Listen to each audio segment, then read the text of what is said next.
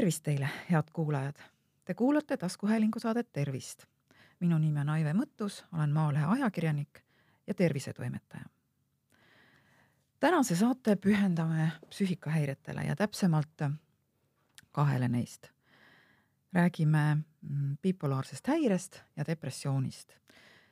ja sellepärast olen ma palunud siia saatesse psühhiaatri ja Confido Erameditsiinikeskuse vaimse tervise keskuse juhataja doktor Mari-Liis Laanetu, tere! tere! no ajendi sai tänane saade ühest Maalehes hiljuti ilmunud intervjuust.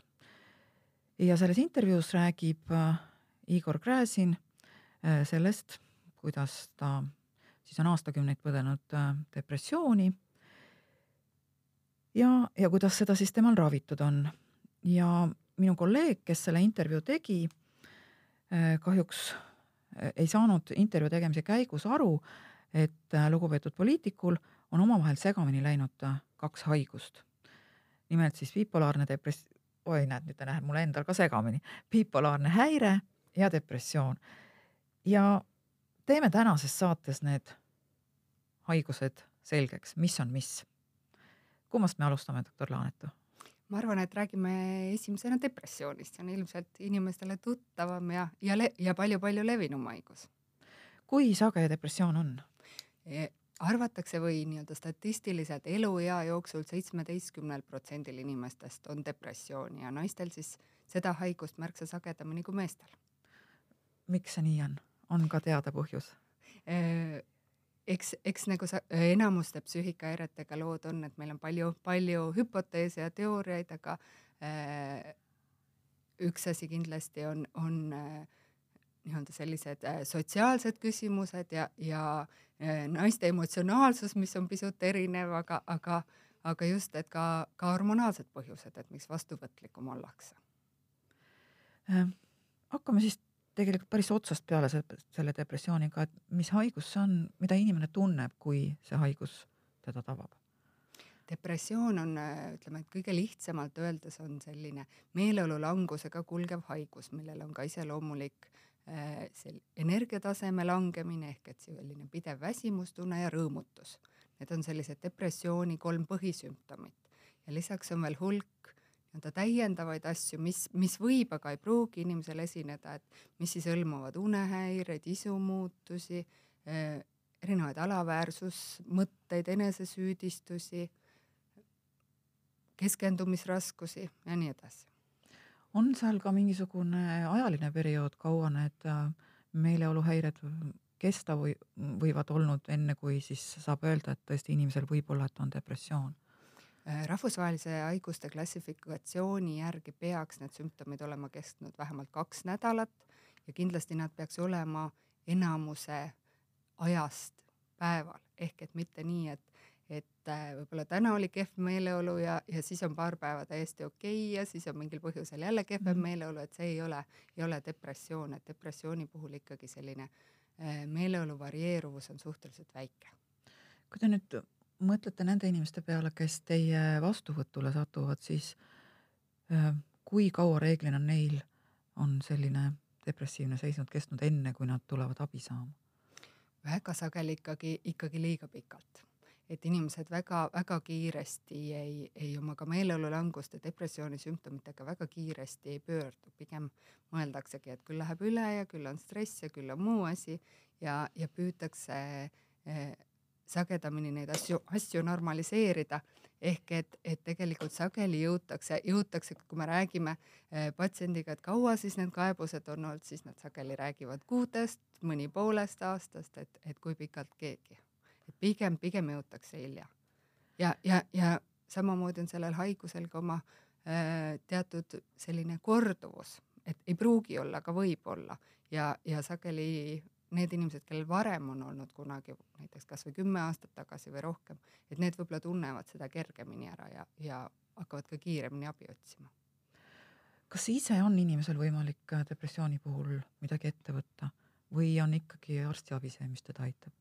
Selles mõttes äh, ise, ise on alati võimalik midagi teha, et, et üks variant on ka, ka juba ennetuslikult, et ennast selles plaanis jälgida, et kui need esimesed mingisugused viited või sümptomid hakkavad tekkima või kui märgatakse, et kuidagi asjadest enam sel moel rõõmu ei tunta või ollakse rohkem väsinud või või just, et ka kuidagi sotsiaalselt isoleerutakse, et siis, siis on need kohad, kus, kus juba mõelda, et mis see on ja mis ma peaks teistmoodi tegema ehk et tegelikult needsamad sellised väga üldised asjad, et, et, ähm, et ühest küljest, et hoida oma, oma elus ka seda tasakaalu, et väga palju äh, kiputakse tegema seda, et ollakse, ollakse väga palju tööl ja kõik muu nii-öelda need nii-öelda toredad asjad, mis, mida kõik võiks teha, kas siis oma lähedastega koos või oma hobid, et need kõik jäävad tahaplaanile.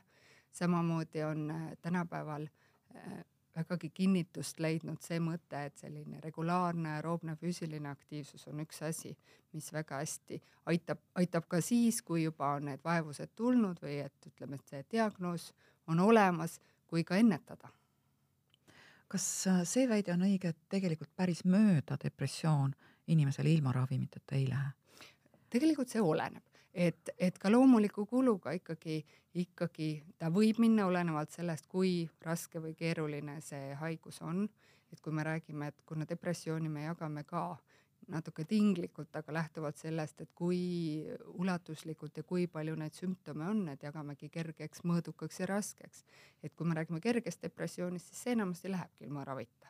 ehk et tuleb teha mingisuguseid nii-öelda elukorralduslikke muudatusi, natuke elustiilis korrektsioone, võib-olla võimalusel psühhoteraapias käia ja, ja, ja võibki mööduda.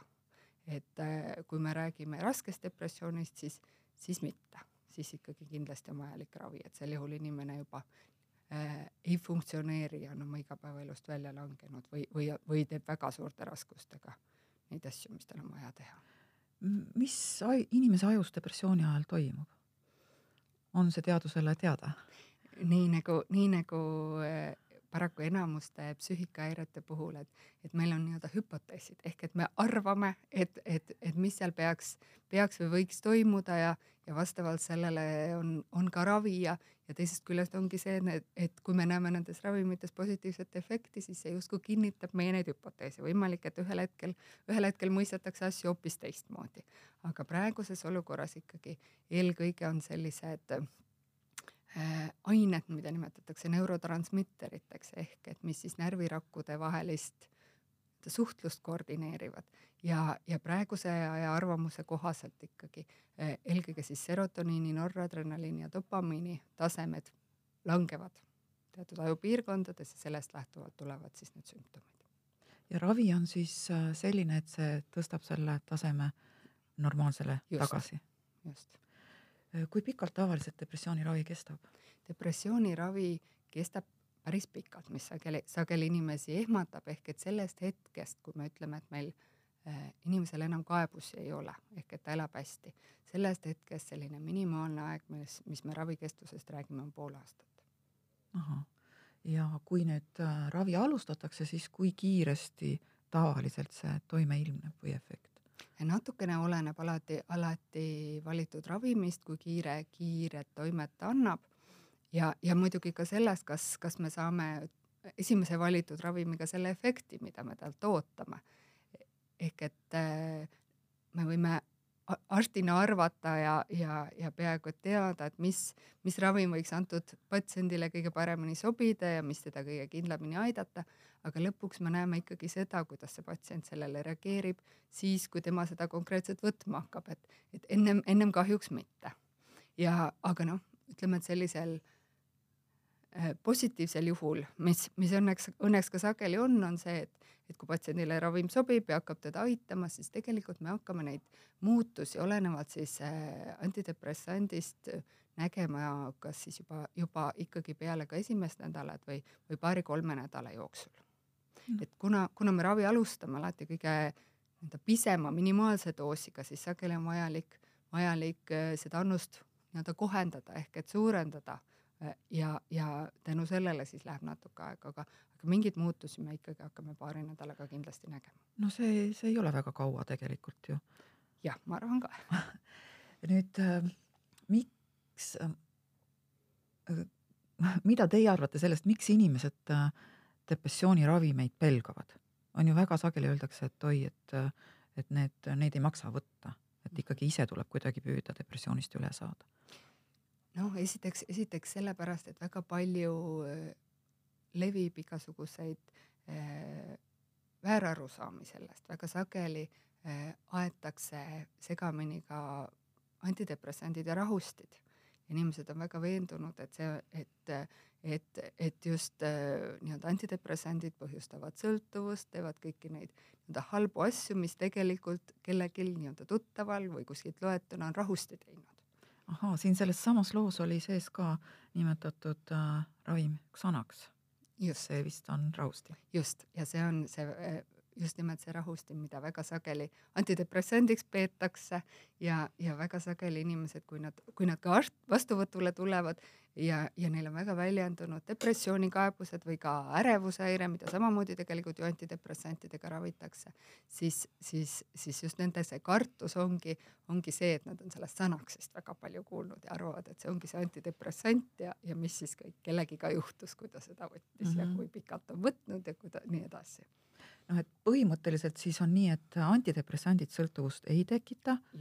küll aga võivad sõltuvust tekitada rahustid just, ja Xanax on üks rahustid. just, rahustid ja uinutid on need, mis, mis äh, võivad sõltuvust tekitada ja, ja just nimelt, et mille siis raviga ainuüksi või, või ütleme nii, et, et millega üksinda kindlasti ei peaks psüühikahäired ravima. Äh, nüüd, äh, kuidas depressioon kulgeb inimese eluea jooksul, te ütlesite, et et seitseteist protsenti umbes inimestest kohtub selle haigusega oma, oma elus isiklikul tasandil. nüüd äh, kas see võib kesta kümme, kakskümmend, kolmkümmend aastat? ei, depressioon selles mõttes, et kui me ikkagi räägime, et me äh, ravime teda efektiivselt ja see on see, mida me ju loodame teha, ehk et ravi eesmärk ei ole meil ju kunagi see, et, et natuke oleks kergem ja kuidagi talutav, talutav sellega elada, vaid et inimene ikkagi eh, saaks oma nii-öelda normaalsele tasemele tagasi, et, et sinna, kus ta, kus ta enne depressiooni oli, siis, siis kindlasti ei ole see aastakümneid kestev haigus, vaid ongi nii, et, et, et sagedamini me ütleme, et paari kuu jooksul saame, saame ikkagi inimese sinnamaale, kus, kus neid vaevusi enam ei ole ja siis, siis äh, jätkatakse selle ravimi võtmist just selle eesmärgiga, et, et need asjad ka kiiresti tagasi ei tuleks. ehk et, et, äh, et see on see, mis ma ütlesin, et see minimaalselt pool aastat tuleb ravimit võtta, et just, et, et äh, ka ajus need muutused jääksid püsima, mis me ravimiga teeme. pluss, et inimene siis saaks sellel ajal teha ka neid muid korrektuure oma elus või siis äh, Äh, õppida mingisuguseid äh, paremaid äh, meetodeid, kuidas, kuidas oma elus ette tulevate raskustega paremini toime tulla. kui valmis inimesed on oma elu äh, muutma, lisaks sellele, et nad võtavad ravimeid või loodetakse rohkem ravimitele? See hästi oleneb, on neid, kes, kes hea meelega ravimit ei võtaks ja on, on valmis kõike tegema ja kes sageli ongi väga palju asju ennem proovinud, kui nad tulevad.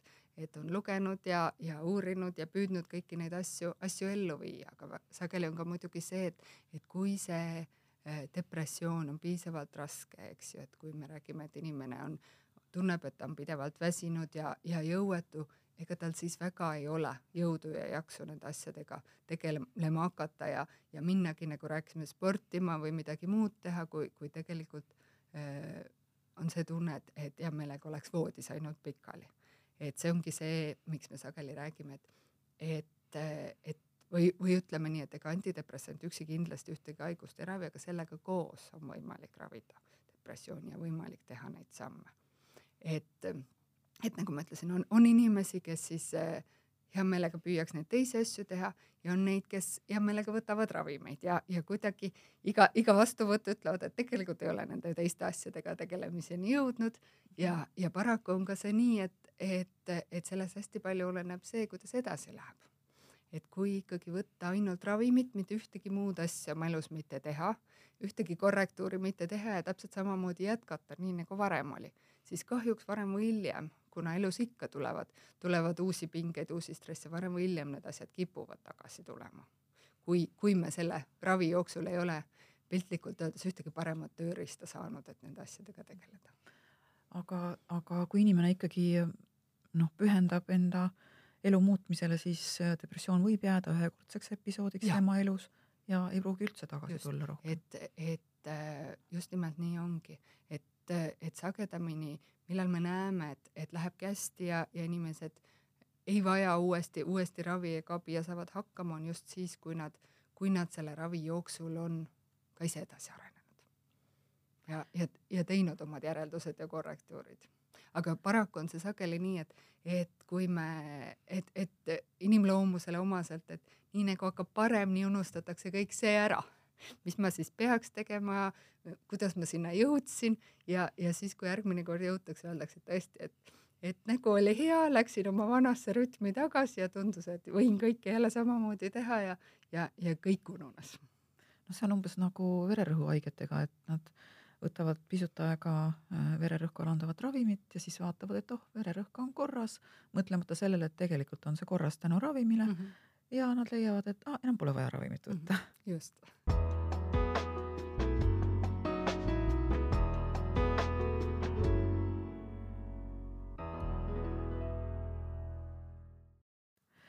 nii, depressiooniga on meil asi selge, ma arvan. aga mis haigus on bipolaarne häire? bipolaarne häire on, on äh, märksa keerulisem haigus.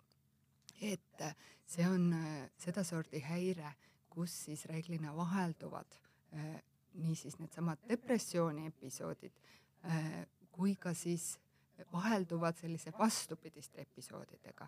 Ehk et nendega meil meeleolu on ülearu hea. Energiat on väga palju äh,, kiputa- või tulevad olenevalt siis selle nii-öelda selle teise faasi raskusastmest võib see, võib see kuni siis sellise täieliku rahutuseni isegi kulmineeruda. ehk et, et siis on sellised, mida nimetatakse maania episoodid ehk vahelduvad siis depressiooni ja maania või siis kergemal vormil sellise hüpomaania episoodid ehk et tegemist on meeleolu kõikumistega kui pikalt need kõikumised kestavad? see on varieeruv, olenevalt siis haiguse kulust. sageli need depressiooni episoodid on pikemad, nad võivad isegi niisugust pool aastat kesta ja sellised maaniaepisoodid lühemad, aga, aga ikkagi pigem, pigem sagedamini haiguse kulus vähemalt sellised paarinädalased. kas ühel inimesel võib olla korraga depressioon ja bipolaarne häire? ei, selles mõttes, et võib olla niipidi et, et esialgu ei tunta bipolaarset häiret ära, et kui inimene, sageli on nii, et, et selle, sellel nii-öelda kõrgperioodil, kui ollakse siis äh, vastupidiselt nii-öelda enda, enda normi kohta liiga aktiivne ja liiga võib-olla sihuke eufooriline ja tegus, siis see on sageli see periood, et kui ta siis päris sinna nii-öelda äärmusesse ei lähe, siis sageli on see see periood, mis, millal inimesed arvavad, et nüüd nad tunnevad ennast väga hästi Nad on väga tegusad, toimekad, nad küll sageli ei mõtle neid asju läbi, mis nad teevad ja, ja aga, aga nad tunnevad, et nad on nii-öelda, suudavad kõike, saavad kõike, kõik on, kõik on väga hästi. et see ei ole, just, et see ei ole see periood, kus nad ise tuleks abi otsima, küsima, et mis, mis minuga toimub, et mul on nii, nii tore ja nii palju plaane on, eks ju. et, et tullakse ikka pigem depressiooni episoodi puhul ja siis sageli ongi, et, et võib-olla kui nähakse ainult seda depressiooni poolt ja inimene ise ka kuidagi või ei suuda anda seda anamneesi või, või piisavalt hoolega ei uurita, et vahepeal on ka selliseid liigse aktiivsuse episoode, et siis võibki esialgu see diagnoos olla selles plaanis vale, et, et diagnoositaksegi depressiooni ja kiputakse seda siis nagu depressiooni ravima, aga tegelikult on tegemist bipolaarse häirega jah, tõesti, nagu te ütlesite, et see depressiooni episood võib kesta kuni pool aastat ja, ja kui inimene siis ise ei taipa arstile rääkida mm, -hmm. et mhm. vahel olen ma ikka mm -hmm. väga aktiivne ja, ja kohe tegutsemisest pulbitsen mm, -hmm. siis, siis ei pruugigi välja tulla, et tal on hoopis teine haigus just, et, et sellel teisel perioodil, nagu ma ütlesin, inimesed sageli tunnevad ennast väga-väga hästi ja, ja, ja väga sageli tundubki, et võib-olla peale, kui see tuleb siin just nimelt peale depressiooni, siis tundub, et nüüd ma olen lihtsalt terve, et ometi mul on hea olla ja ometi ma olen tegus eks ju, mitte et, et seda on nüüd liiga palju. sageli on pigem võib-olla lähedased need, kes näevad, et nüüd, nüüd on midagi täitsa teistmoodi. Milles selle haiguse olemus seisneb, mis, mis ajus toimub? see on selles mõttes märksa, märksa keerulisem, keerulisem haigus, aga samamoodi ikkagi need põhilised, äh, needsamad neurotransmitterid on, mille tasakaalud lähevad kõik paigast ära ja, ja ega, ega lõpuni me päris täpselt ei tea, mis siis toimub. siin selles intervjuus räägib äh, Igor Gräzin ühest, ühest ravimist, mida ta võtab ja vereanalüüsist, millega siis tema haigust monitooritakse, et mis need on?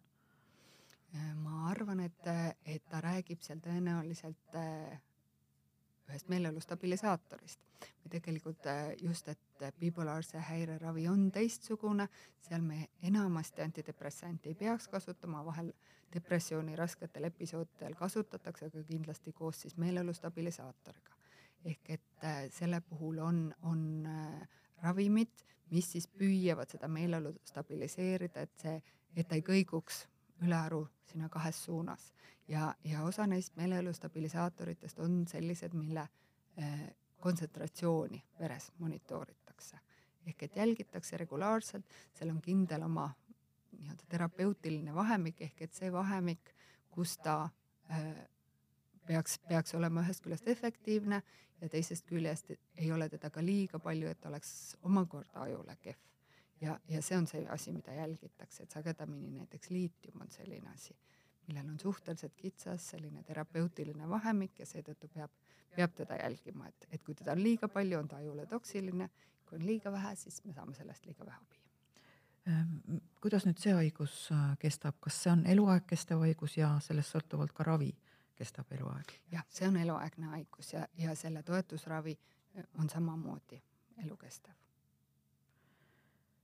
Äh, kui sage see haigus on? märksa, märksa harvem kui depressioon. ehk et, et selle puhul äh, elu jooksul võiks seda kogeda kuskil kaks või, või diagnoositakse seda kuskil kahe koma neljal protsendil inimestest. ehk et mis, mida on siis seitse korda vähem kui depressiooni. Et jah, tõesti, tõesti harvem ja aga kuidas on, ähm, kuidas see raviefekt on, et, et kui nüüd võrrelda depressiooniga, et depressioonist äh, noh, inimene terveneb, äh, kuidas selle haigusega on, kas seda on võimalik ravimitega ohjata? selles mõttes meil ei ole võimalik teda paraku välja ravida, aga meil on võimalik neid sümptome äh, täiesti kenasti enamasti ravimitega kontrolli all hoida. ehk et see hoida seal, et see meeleolu ei kõiguks selle depressiivsuse ja maniakaalsuse vahel, vaid et nii-öelda seal normi lähedal oleks. et äh, jah, et, et aga, aga selle haiguse puhul on sageli, sageli see häda, et, et inimesed kipuvad oma ravid, ravid katkestama, ära jätma ja, ja, ja just nagu ma ennem ka ütlesin, et, et sageli neile see eh, selline maniakaalne faas või siis hüpomaniakaalne, mis on siis kergem vorm, väga meeldib ja, ja, ja väga raske on nii-öelda võtta, võtta kuidagi inimeselt head tuju ära. ei, ei väga raske on inimesel kuidagi võtta seda teadmist, et, et, et see ikkagi ei ole norm ja, ja see on see, millest tegelikult tekivad probleemid ja eriti kui sinna ongi see depressiivsus, siis kangesti tahetakse ennast sinna teise faasi saada. ja, ja just, et see haiguskriitika selles plaanis on, on kehvem. ehk et inimene tegelikult ei anna endale aru, et ka see nii-öelda üliheas tujus olemine, väga tegus olemine ei ole hea tema jaoks. just, et, et see tegelikult ongi tegelikult ju haiguse ägenemine. et kui, kui suur roll nende mõlema haiguse puhul, üldse psüühikahäirete puhul on äh, lähedastel? kas, kui palju nad saavad ette võtta ja aidata oma pereliiget? eks selles mõttes, et inimene on ju, ju sedavõrd nii-öelda sotsiaalne isend, et eks, eks sellel, mis meie ümberringi toimub, on hästi suur roll. et äh, depressiooni puhul pigem selline just nimelt, et need, et oleks sellised äh, omavahelised suhted äh, paremad ja pigem selline toetav roll on, on lähedasel siis bipolaarse häire puhul äh, on, on lähedasem märksa keerulisemas olukorras ja, ja lähedased on ka need, kes sageli võib-olla võiks hoida inimesel selles plaanis rohkem silma peal, et, et näha, mis, mis toimub ja kas ta ravimeid võtab ja, ja nii edasi, et, et nii-öelda märgata võib-olla ka just nimelt selle näiteks sellise äh, aktiivse faasi algamist, et, et sageli lähedased, kui nad on võib-olla aastakümneid selle eh, inimesega koos olnud, kellel see haigus on, tunnevad väga kenasti juba ära, et, et kui juba ta hakkab näiteks neid või neid asju tegema, siis ma juba tean, et see hakkab, et noh, et, et, et olla, olla, oldaks valmis siis reageerima ja midagi tegema. kui sageli jõuavad teie vastuvõtule nüüd äh, äh, psüühikahäirega inimesed koos lähedasega, ehk et nad on kuulda võtnud oma lähedasi ja nad tõesti kas tulevad ise või, või tulevad koos. sest noh, väga raske on ka lähedasel midagi ette võtta, kui inimene ikkagi iseendale äh, oma haigust ei tunnista, kui tal haiguskriitika puudub. ja see haiguskriitika puudumisega on, on tõepoolest väga keeruline ja, ja, ja vahel, vahel ikka võetakse neid oma lähedasi kuulda, aga noh, eks see on pigem nii, et pigem just nimelt ollakse ka bipolaarse häire puhul valmis rohkem seda abi ja ravi vastu võtma siis, kui on see kehvem faas ehk et depressiooni faas. et, et ja siis, kuna, kuna bipolaarse häire puhul me, eks ju, ei, ei peaks ega võiks antidepressandiga üksi kindlasti seda, seda seisundit ravida, siis, siis tegelikult see antidepressandi ootus on, on, on nendel patsientidel hästi suur ja sageli jäetakse kõik muu ära, et saaks, saaks aga selle meeleolu natuke paremaks ja siis ta kipub sinna teise faasi minema. nüüd, äh, kas psüühikahäire puhul võib lähedastel esineda ka sellist äh, kaassõltuvuse sündroomi. ehk et noh, räägitakse, et depressioon on vahel, see on nagu mädasoo, et kui sa nagu väga ennast selle teise inimese elusse sisse elad väga,, väga-väga püüad teda aidata, siis lõpuks on, on, sa oled ise ka seal kaasas selles depressioonis ja, ja noh, sipled seal selles haiguse võrgus mm. -hmm. eks selles mõttes depressiooni puhul kindlasti eh, on, on see oht, et, et kui meil on keegi kõrval, kes on hästi-hästi depressiivne ja, ja, ja me nii-öelda päevad, päevad läbi kuuleme neid negatiivseid mõtteid, siis see kindlasti mõjutab. et, et kindlasti ei ole see muidugi selline asi, et nüüd peaks sellest väga kaugele eemale hoidma ja mõtlema, et issand, et äkki, äkki mul tuleb ka just, et ta sel moel ei nakka, aga kindlasti, kindlasti äh, igasugune lähedaste äh, meeleseisund on ju see, mis tegelikult ümbritsevaid mõjutab ja noh, eriti muidugi ütleme, et, et näiteks lapsi, et kui me räägime depressiivsetest vanematest, siis, siis see on kindlasti üks, üks väga-väga keeruline koht. Äh, tahtsingi just sinna jõuda ja küsida, et kas need haigused, nii depressioon kui bipolaarne häire võivad tabada ka lapsi? sisuliselt küll, et bipolaarne häire võib vahel alata ka lapseeas, aga enamasti sellises ikka hilises, hilises teismeeas või, või noores täiskasvanu eas algab et ja, ja depressiooni, nii nagu tänapäeval seda väga palju on ka kirjutatud, eks ju, on ka lastel palju juba ja, ja ka ravitakse lastel. et paraku, paraku ei pääse, pääse ka nemad. Te olete seda intervjuud, mis meie saate aluseks on lugenud, kas sellest on veel mingisuguseid asju, mis vajaksid selgitamist äh, kuulajatele, et neil oleks asi täiesti selge nende kahe haiguse koha pealt? Ma arvan, et enamuse, enamuse kahe haiguse aspektist me ilmselt olemegi ära rääkinud, et, et üks ongi hästi oluline mõte see, et, et kui me räägime tegelikult bipolaarsest häirest, mis on, nagu ma ütlesin, elukestev ja, ja kestabki aastakümneid, eks ju, et siis, siis kindlasti ei maksa ära ehmatada, et depressioon nüüd, kuna seal on kirjutatud depressioonist, et depressiooniga päris nii need asjad ei ole, õnneks. no nii, selles mõttes on on tõesti õnneks ja mul on väga hea meel, et, et te siia saatesse tulite, doktor Mari-Liis Laanetu. kõik inimesed, kes tunnevad midagi sellist, nagu me täna rääkisime, siis ikka tasub jalad kõhu alt välja võtta ja arsti juurde minna. jah, absoluutselt nõus või vähemalt maksab kindlasti nõu pidada. et, et vahel, vahel ka võib-olla inimesed ülearu ennast jälgivad ja mõtlevad, et, et et igasugune väiksem, väiksem nii-öelda tuju kõikumine on kohe bipolaarsus või, või just, et eriti kui ta on selline situatsioonipõhine, et äh, vahel kiputakse ülearu muretsema, siis maksab ka nõu pidada. et, et see on ka hästi, kui keegi ütleb, et ei, ei ole põhjust muretseda. kas alustama peaks kõigepealt perearstist või võiks kohe psühhiaatri poole pöörduda? tegelikult selliste depressiooniga äh, kulgevate haiguste puhul kindlasti võiks see esimene lüli olla, olla perearst, et et bipolaarne häire, kuna ka raske psüühikahäirega tegu, et tema on siis see, kellega tegeleb psühhiaater. ja psühhiaatri juurde saab tulla ka ilma saatekirjata? praegusel ajal küll. nii, väga tore. Eh, usun, et me võime saate siinkohal kokku tõmmata.